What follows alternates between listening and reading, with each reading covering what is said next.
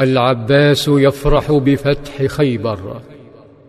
بينما كان العباس عم النبي صلى الله عليه وسلم غارقا في حزنه على خبر هزيمة المسلمين في خيبر إذا بصوت عبده يهتف عند الباب أبشر يا أبا الفضل فإذا بالحياة تسري فيه من جديد ليفز ويطبع قبلة على جبهته ويقول له أنت حر.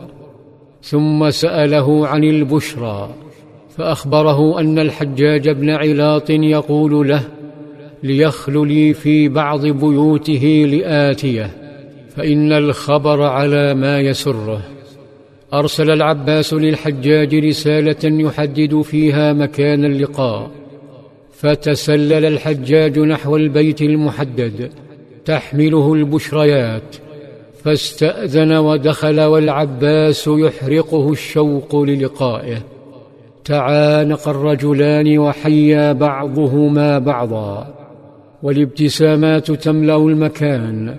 فقال الحجاج إن رسول الله صلى الله عليه وسلم قد افتتح خيبر وغنم أموالهم. وجرت سهام الله عز وجل في أموالهم. واصطفى رسول الله صفية بنت حيي فاتخذها لنفسه وخيرها أن يعتقها وتكون زوجته أو تلحق بأهلها فاختارت أن يعتقها وتكون زوجته.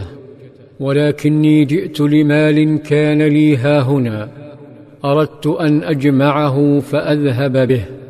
فاستأذنت رسول الله صلى الله عليه وسلم فأذن لي أن أقول ما شئت.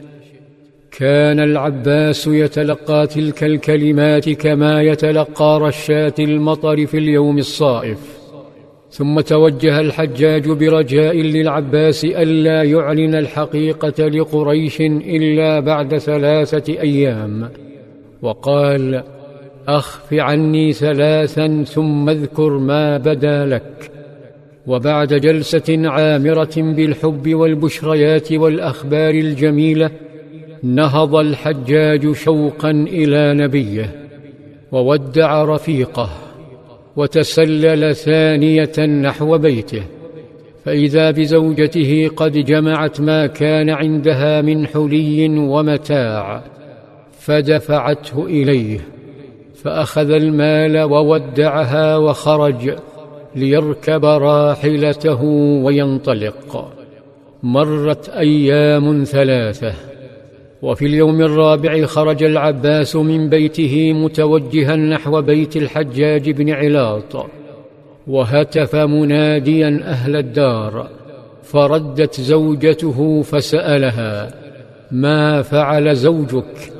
فأخبرته أنه قد ذهب يوم كذا وكذا ثم رقت لحال العباس وقالت تعزيه لا يخزيك الله يا أبا الفضل لقد شق علينا الذي بلغك فقال لها أجل لا يخزني الله ولم يكن بحمد الله إلا ما أحببنا فتح الله خيبر على رسول الله وجرت فيها سهام الله واصطفى رسول الله صفية بنت حيي لنفسه فإن كانت لك حاجة في زوجك فالحقي به.